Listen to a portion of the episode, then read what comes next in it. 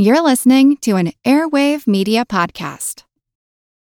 This episode is brought to you by Shopify. Whether you're selling a little or a lot, Shopify helps you do your thing, however you cha-ching. From the launch your online shop stage, all the way to the we just hit a million orders stage. No matter what stage you're in, Shopify's there to help you grow. Sign up for a $1 per month trial period at shopify.com slash special offer, all lowercase. That's shopify.com slash special offer. Another day is here, and you're ready for it. What to wear? Check. Breakfast, lunch, and dinner? Check. Planning for what's next and how to save for it? That's where Bank of America can help. For your financial to-dos, Bank of America has experts ready to help get you closer to your goals. Get started at one of our local financial centers or 24-7 in our mobile banking app. Find a location near you at bankofamerica.com slash talk to us. What would you like the power to do? Mobile banking requires downloading the app and is only available for select devices. Message and data rates may apply. Bank of America and a member FDIC. This is Kick-Ass News. I'm Ben Mathis.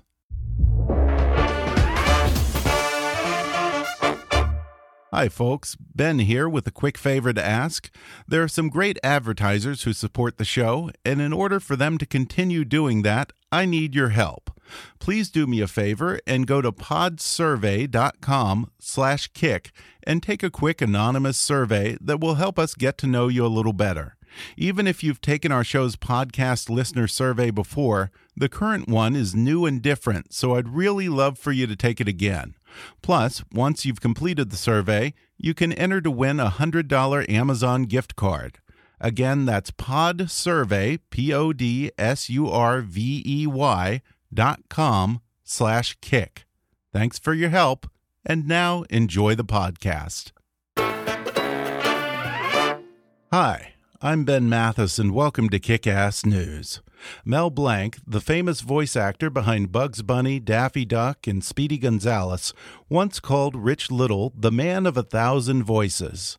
Mr. Little himself more modestly puts that number at around 200 celebrity impressions, including Johnny Carson, George Burns, Jack Benny, Frank Sinatra, John Wayne, Cary Grant, Jack Nicholson, Ed Sullivan, Edward G. Robinson, Jimmy Stewart, Clint Eastwood, Burt Lancaster, Bing Crosby, Gregory Peck, Dr. Phil, Jack Lemmon, Humphrey Bogart, Arnold Schwarzenegger, James Mason, Carol Channing, and Alfred Hitchcock, just to name a few of them, as well as seven U.S. presidents, starting with John F. Kennedy straight through Barack Obama, and now he's working on perfecting his Donald J. Trump impression. Since his first big break appearing on The Judy Garland Show in 1964, Rich Little has made many memorable television appearances, including 60 appearances on The Tonight Show, filling in as guest host for Johnny Carson a dozen of those times. He did 24 Dean Martin celebrity roasts and multiple appearances on The Ed Sullivan Show, Hollywood Squares, The Merv Griffin Show, Rowan and Martin's Laugh In, The Joey Bishop Show, The Julie Andrews Hour, and The Muppet Show, just to name a few. He's also hosted his own variety show, The Rich Little Show, and starred in the ABC comedy impersonation show, The Copycats. He entertained at both of Ronald Reagan's presidential inaugurations, hosted the 2007 White House Correspondents' Dinner, and befriended Reagan and a number of the presidents he's imitated over the years. These days, he headlines in his one man show, Rich Little Live, at the Tropicana in Las Vegas, as well as touring around the country, and he has a new book chronicling his 50 years in show business called Little by Little People I've Known and Been. On today's podcast, Rich will share how he got his first break by winning over Judy Garland with his James Mason impression. He'll talk about why he delayed his very first appearance on The Tonight Show and how a trip to the San Diego Zoo helped him perfect his Johnny Carson impersonation. He'll talk about the time he stood in for Ronald Reagan at a White House press conference and President Reagan's own knack for celebrity impressions and an embarrassing cocktail party at Richard Nixon's house. Plus, Ed Sullivan was dumb as a rock, Dean Martin was pretty much what you'd expect, Cary Grant was surprisingly insecure, Jimmy Stewart liked to play Quasimodo, and Jack Benny's ridiculous quest for the perfect chicken noodle soup. Coming up with the legendary man of a thousand voices, Rich Little, in just a moment.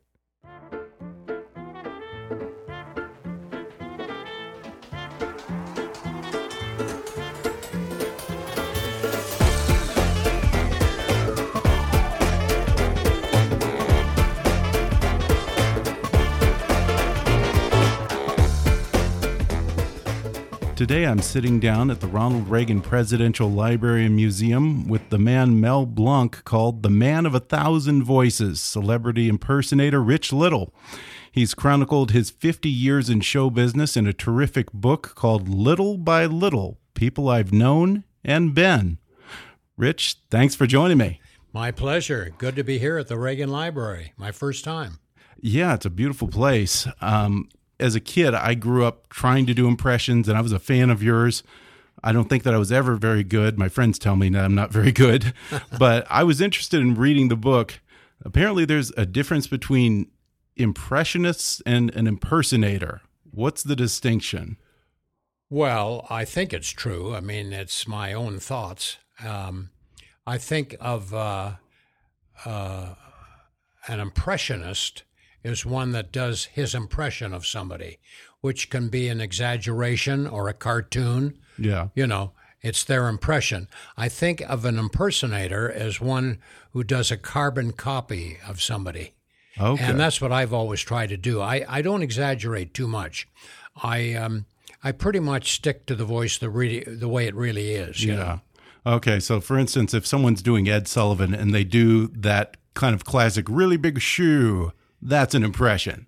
That's not an impersonation. Uh, Because well, he never Ed- really said really big shoe. Well, right? actually, he did. he did. uh, not exactly the way impersonators did, but he did say, "Really big shoe," sort of halfway between. Oh, okay. Actually, one time on a show I did called Copycats, which Right. was uh, a, a show we did in England with all impersonators, and we had Ed on as a guest, and um, everybody was imitating Ed Sullivan, and Ed was the worst. Oh, it was Ed Sullivan doing an Ed Sullivan. Yeah, he really couldn't do Ed Sullivan. And Will Jordan, who was the guy that looked like him, he was the most famous for doing Sullivan. Um, he sounded more like Ed than Ed did. And Ed came up to Will Jordan before we taped the show and said, "How how do you say that?" And um, Will said, "Say what? Really big sh- show?" And Ed's Ed sort of stumbled, and, and, and Will Jordan said, No, Ed, it's really, really big shoe. You know, like something you put on your foot, a shoe. And Ed said, Oh, I get it, really big shoe. He said, Yeah, just think of your shoe. So on the first take we did, Ed said, We're, I'm happy to be here tonight on this really big foot. Well, yeah, and you say that he wasn't exactly the brightest bulb. You were on his show a lot of times. Yeah. In fact, he screwed up your name the first time Oh yeah, you went on. yeah, on. yeah. Well, I think one of the reasons people like to watch the Ed Sullivan Show was that he uh, he screwed up almost everything. Names, he got dates wrong. You know, he once introduced a singer on his show. Now, now this this lady was popular uh, singing way back during World War I. Yeah, he, he couldn't improv to save his life. No, Uh, he, was couldn't ad lib. He couldn't attached read. to the cue cards. and he couldn't see very well. Uh, he had no talent. He couldn't sing. He couldn't dance. He couldn't tell jokes. But he couldn't couldn't quit show business because he was a star. That's a shame, isn't it? How was he so famous? That uh, that's a mystery to Well, me. Well, he started out as a, a as a columnist, a sports columnist Yeah. for the New York Daily News, and became Right. um, quite well known through his column. And then he just got into show business, and then I don't know how he got the show, but um, um, people uh, people kind of liked him because I think people saw themselves if they were going to host a show, they'd probably be Yeah. be as bad as this. Oh, that, yeah, that, that's a good point. Yeah, Yeah. yeah. It, what was it when he introduced you? He introduced you as Little Richard, Little Richard. and then he didn't correct himself. He thanked you as Little Richard after you did your act. Didn't Well, he? no, actually, he, he realized he Oh, called he me did. Little Richard, Oh, he did. Okay. and um, he came to my dressing room after and said they wrote the name wrong on the cards. yeah. Did you buy said, that? "He said I'm sorry, I'm sorry, Ricardo." I said, "Ed, I'm not, I'm not Spanish." he said, "You know, but they they wrote your name wrong on the cards, and that's why I screwed up." He said, "But I'm I'm ready. I want to apologize for doing that, Tiny." I said, No, no, Ed, not tiny little. It's not little Richard. It's Rich Little. Well, you know who you are. I said, Well, I do, but apparently you don't. You know, Ed was in his own world. He, Yeah. he, he was a strange man. Now, How did all this start? Were Were you the kind of guy who was a class clown in school, or Yeah, I was the guy that got up in front of the class and imitated the teacher before they arrived.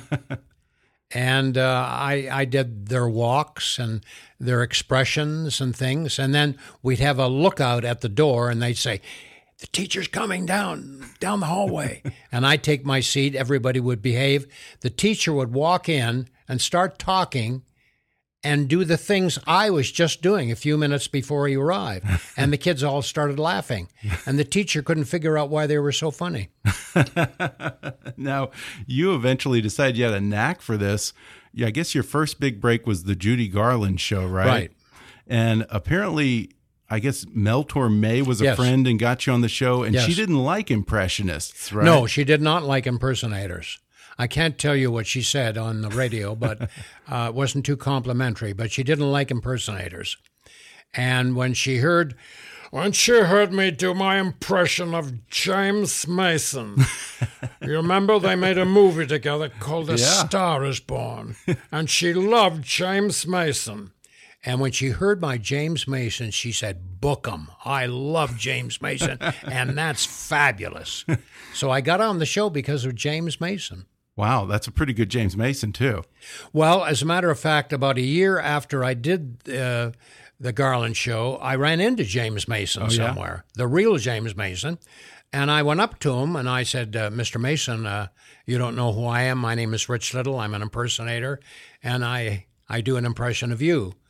And he looked at me and he said, What on earth for? and walked away. And that was it. I never had a chance to thank him for getting me on the Garland show. Well, what was Judy like to work with? Judy was great.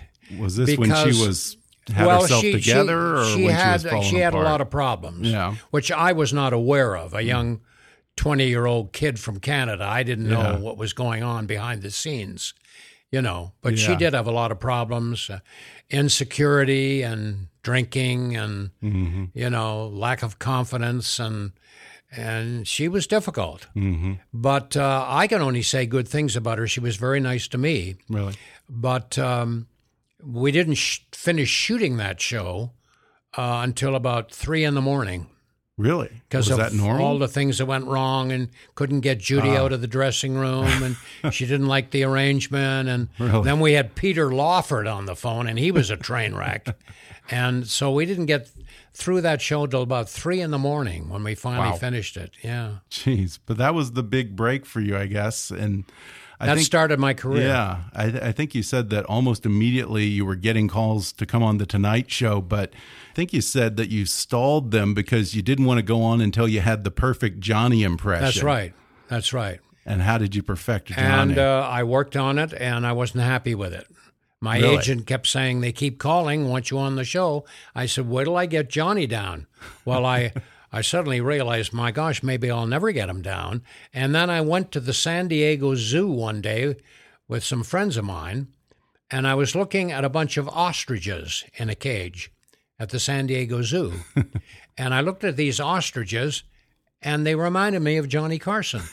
the way they walked, the ostriches Yeah. were always looking around and giving that sort of Carson look. Carson Yeah, always the head looked bob kind of thing. the head Yeah. bob, and Carson was always looking around like like like Jack Benny did actually in many Yeah. Uh-huh. ways. And that's how I got to do my impression of uh, of Johnny Carson was think to think of an ostrich. And I think at some point you had it down to 22 mannerisms that were the Johnny Carson mannerisms. Yeah, huh? there were there were about twenty two or twenty three mannerisms, and I did that on one of the Dean Martin roasts. Yeah. the, the one to, to Johnny Carson. I, I I did all his mannerisms, and uh, he used to say to me, "Rich, I I I think you do me better than I do." he said, "You're more me than I am." I was thinking, when I pass away, they should bury you. I said, I don't like that That's idea, great. John. Yeah, snuck a little dig in there, huh? Well, he he was he was quick. Johnny Um, yeah. was was a fast wit. Yeah, yeah, he sure was.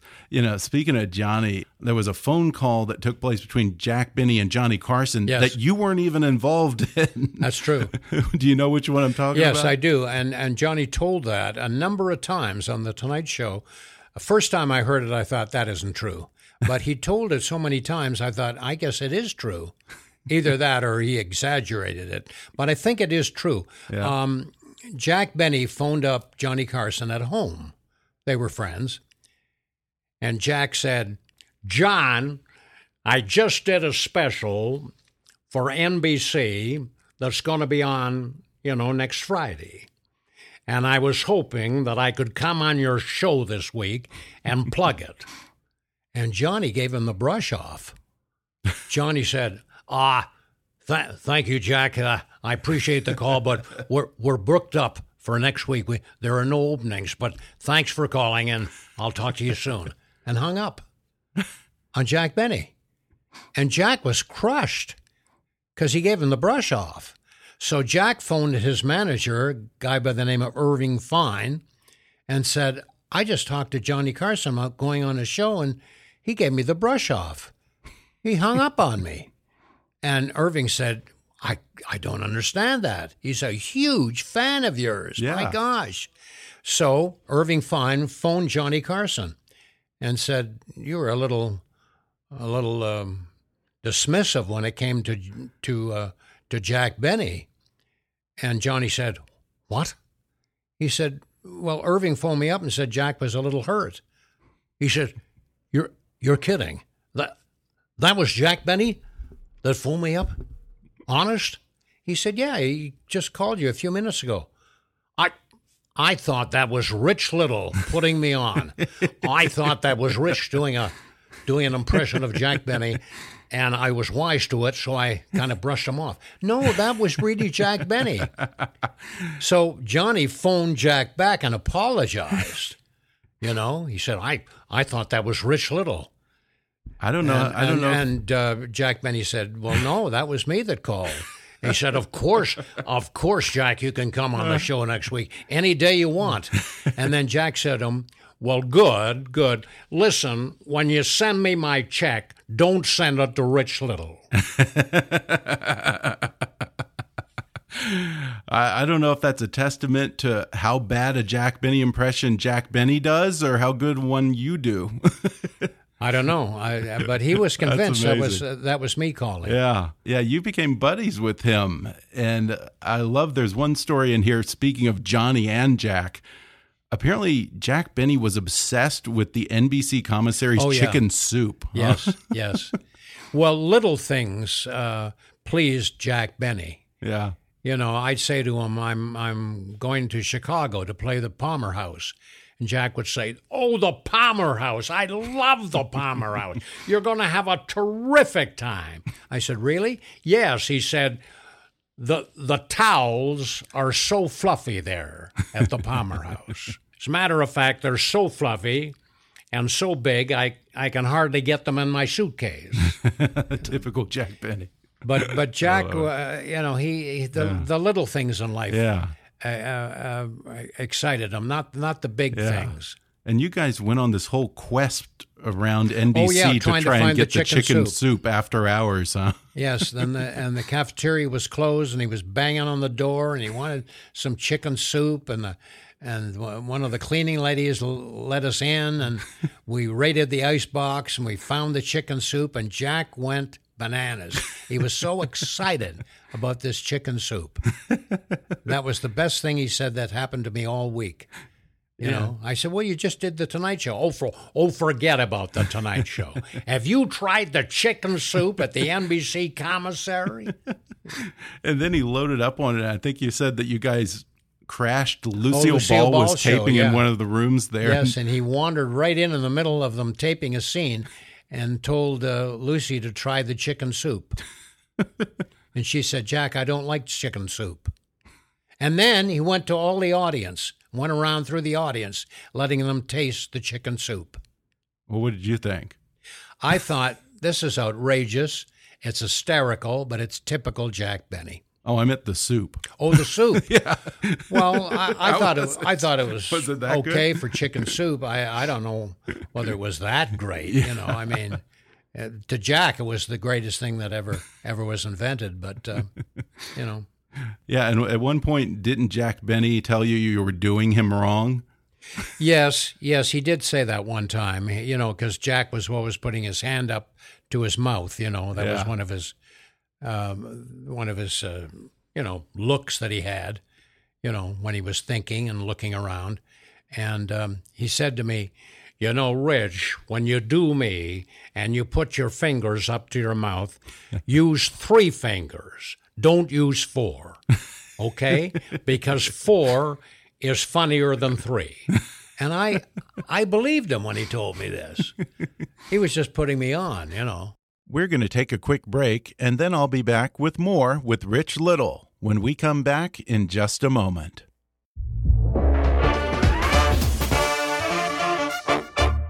Folks, whether you're starting an online business or trying to get your existing business online, GoDaddy wants to help. GoDaddy's mission is to radically shift the global economy toward life fulfilling independent ventures, helping customers kick ass by giving them the tools, insights, and the people to transform their ideas and personal initiatives into success. With more than 62 million domain names under management, GoDaddy is the world's largest technology provider dedicated to small business and the largest domain registrar. They have award winning 24 7 support and everything you need to build your online business. Whether you have a new idea or an established business, the key to success online starts with a great domain name, and GoDaddy is trusted by 13 million customers, more than any other registrar, with big savings over the other guys. And right now, my listeners can get 30% off new purchases on GoDaddy.com by using the code KICK30 at checkout. That's GoDaddy.com, code KICK30 for 30% off. Again, GoDaddy.com and offer code KICK30. And now, back to the podcast.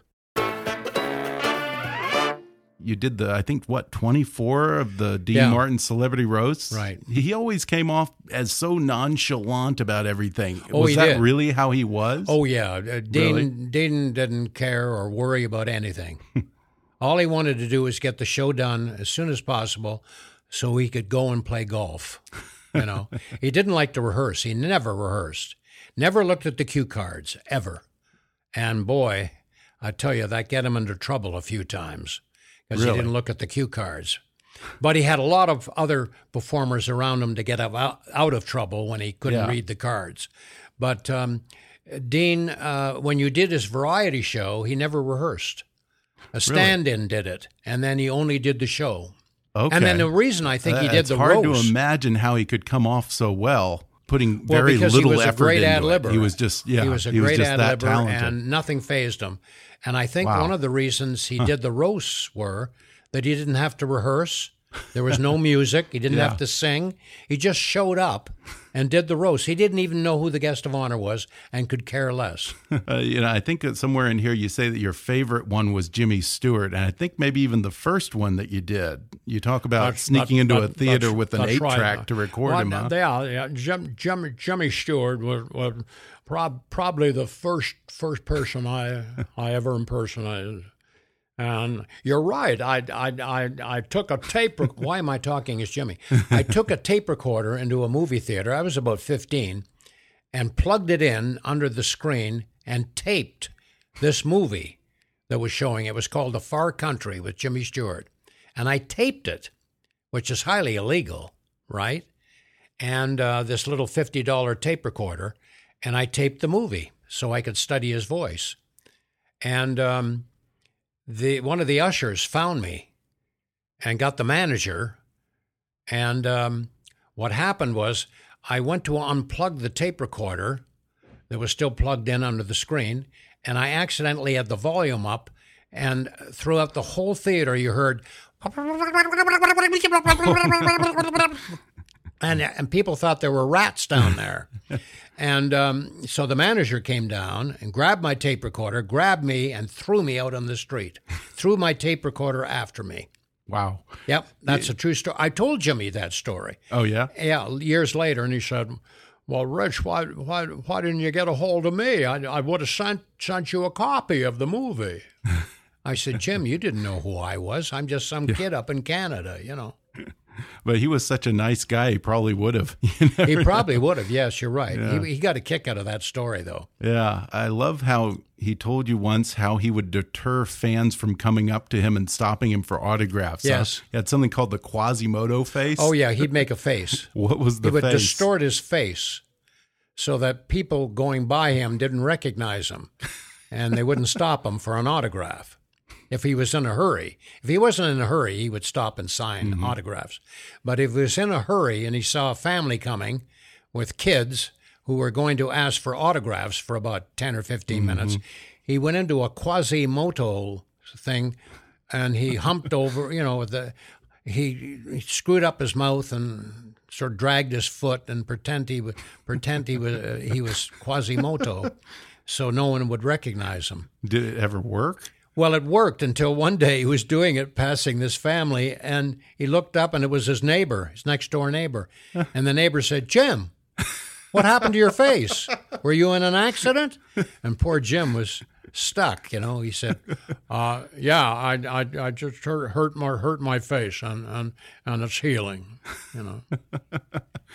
we talk about all the awkward positions that you're put in, particularly at parties or somewhere where you're with a celebrity or a group of celebrities and they say, Oh, do this guy for him. Yeah. And I think the perfect example of that is the first time you met Nixon at a, Yeah. I- what was it, a party of his in it was San a, Clemente? it was a garden party in San Clemente, and I was in my early twenties, new to the business actually, and I was invited to this garden party, and uh, I was thrilled because when I arrived, my act was there. I'd never met my act before. What do I you mean? mean? Well, all of Hollywood was, was there. oh, oh, At yeah. Everyone time- you do. Yeah. At that time, they were all conservatives. Now they're all liberals. right, right. But um, uh, my act was there. I mean, George Burns was there, John Wayne was there, Glen Campbell, uh, Jimmy Stewart. You you know, and I ended up doing Nixon in front of him, How'd that go? and it didn't go over well at all. As I'm doing my Nixon in front of him, he turned to his wife Pat and said, "Why why is this young man speaking in this strange voice?" And she said, He's doing you, honey. He's doing you. He is? And he said, I, I, I don't recognize it. and she said, I think it's pretty good. Well, I don't. This is terrible. Let's get out of here. Get out of here. Wasn't it his place? It was his place. Yeah, that's how upset he was. Let's get out of here. And he walked away with Pat, leaving me standing there, and everybody was embarrassed. You have no idea. Everybody was just gagging themselves to keep from laughing. I remember George Burns came up to me and said, You know, I, I was so embarrassed, I ate a flower. and John Wayne said, Somebody get a rope. You know. I think you said, wasn't it Debbie Reynolds who set Debbie you up Reynolds there? set that up, yeah.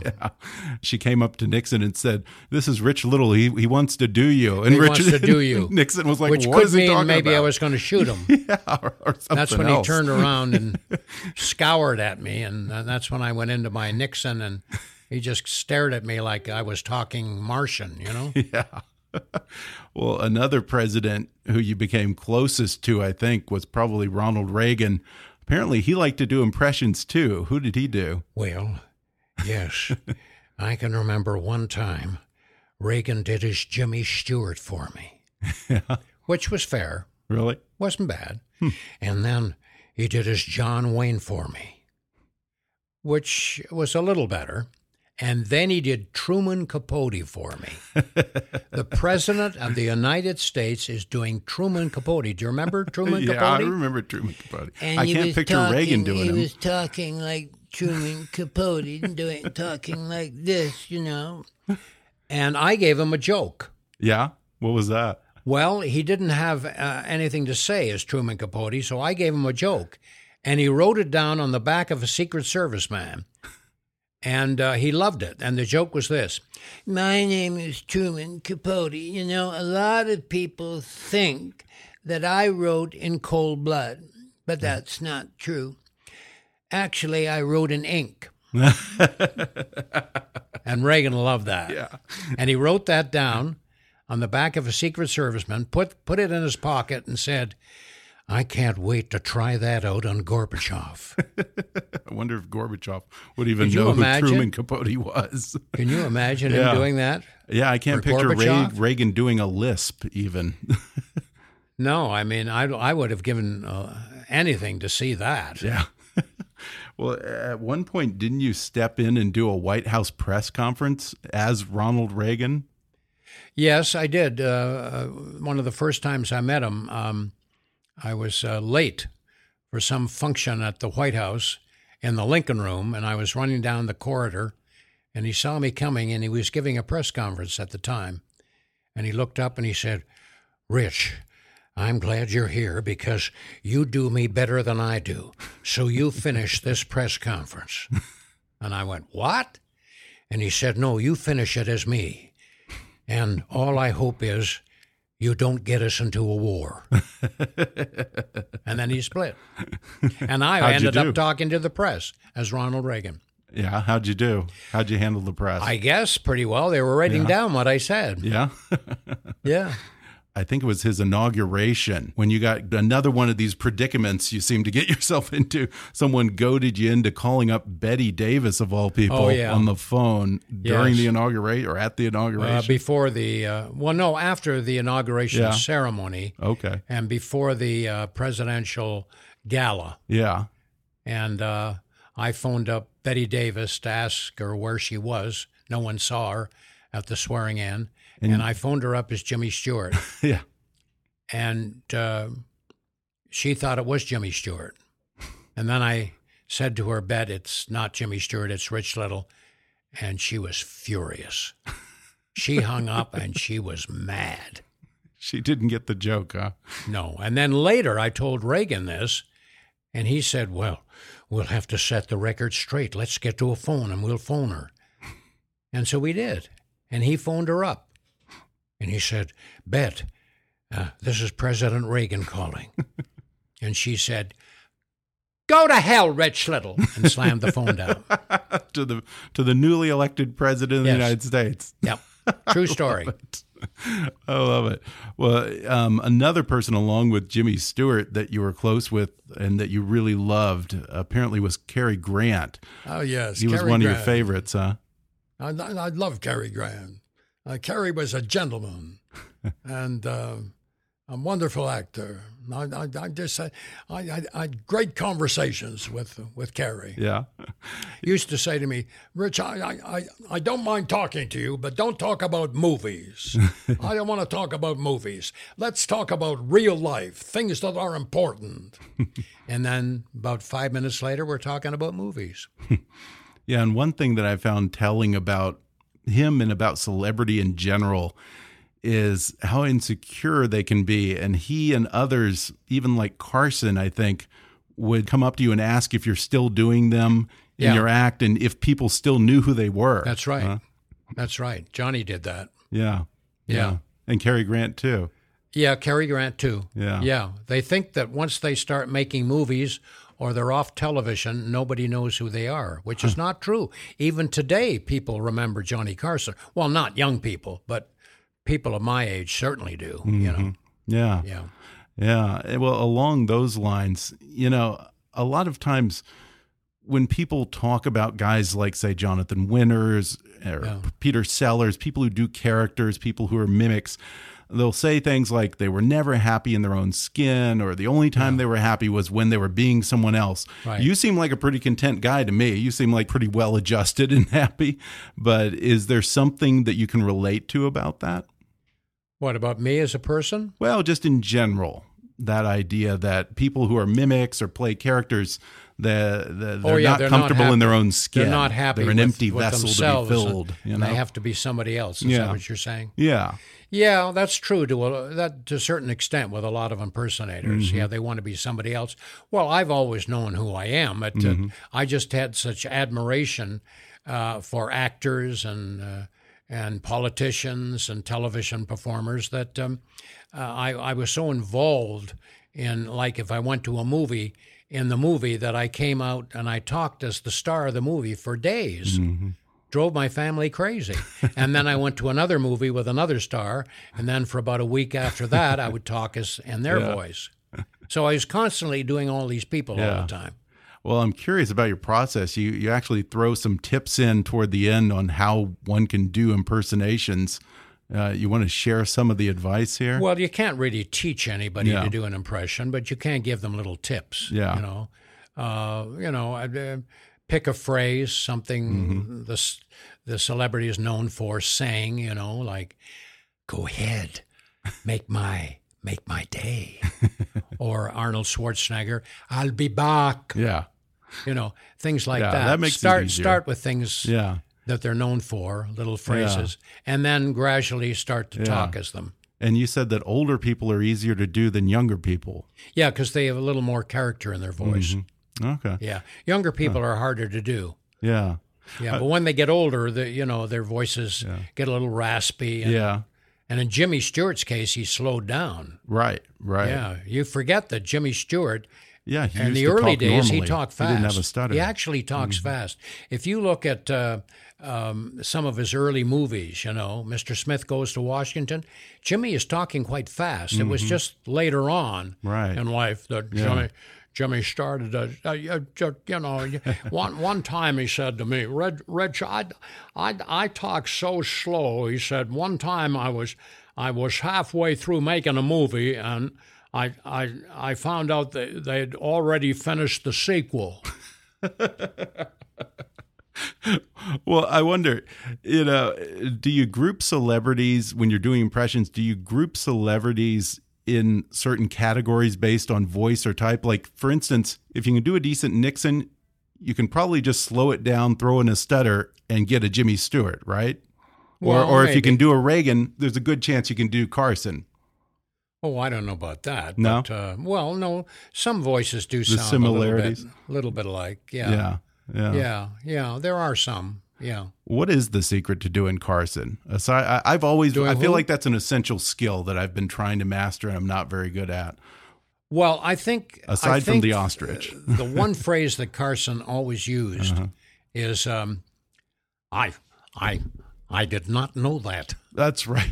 yeah. He was always saying Yeah. that, didn't he? Yeah, I didn't. I I, did did, not not, know know, that. that. I did. I did not know that. I sound like Nixon. I, I don't. Yeah, Well- I'm gonna go do some homework. I think. um, well, before we go, is there one celebrity that you've tried to do but just stumps you? Uh, yeah, Angelique Jolie. I'd like to do her. Well, I'd never be lonely, would I? I'd end up jumping myself, I think. But um, uh, no, there's a lot of people I can't imitate. I can't do George Clooney. I can't do Matt Damon. I can't do. Uh, Well, I Brad don't even know what they would sound like. No, no. They're not as distinctive no, as they're those not. old they're voices. not really that distinctive. Yeah, so it gets tougher for an impersonator because we don't have voices Yeah. like we used to. Are you working on a Trump? Donald Trump, we're going to build a wall.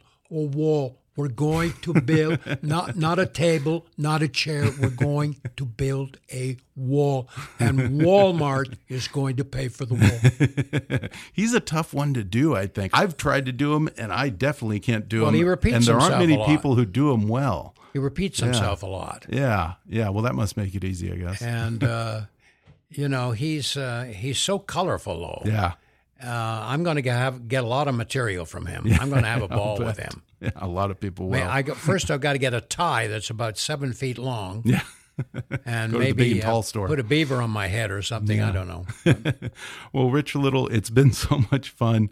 Again, your book is called Little by Little People I've Known and Been. And I also want to point out that you have some great artwork in this book. You're, Yeah. You do sketches of all these yeah, celebrities. Yeah, I've done that for Yeah. years. Yeah, that's cool. And people can also keep up with you at richlittle.com. Little.com. Okay. And, Get any my shows book coming up? Amazon.com. hmm Any shows coming up?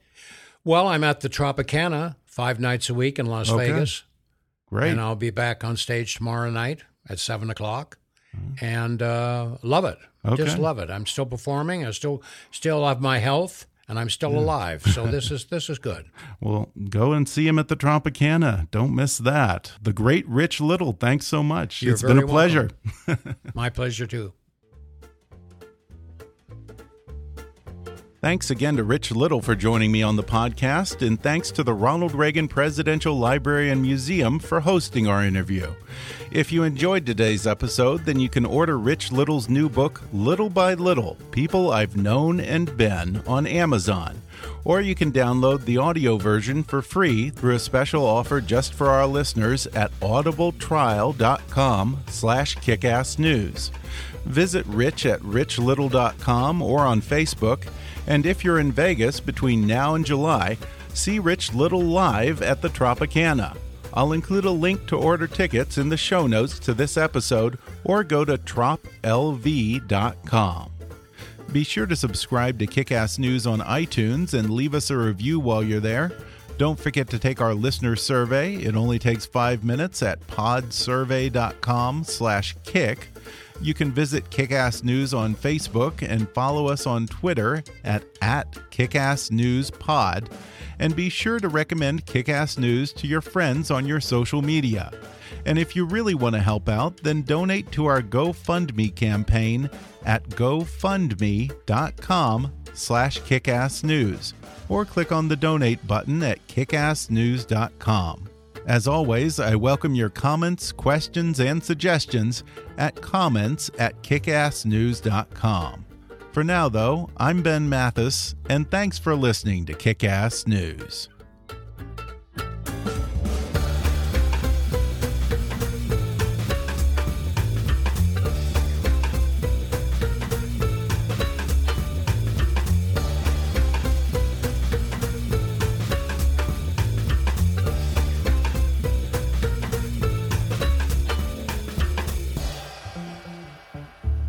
Kick Ass News is a trademark of Mathis Entertainment, Inc.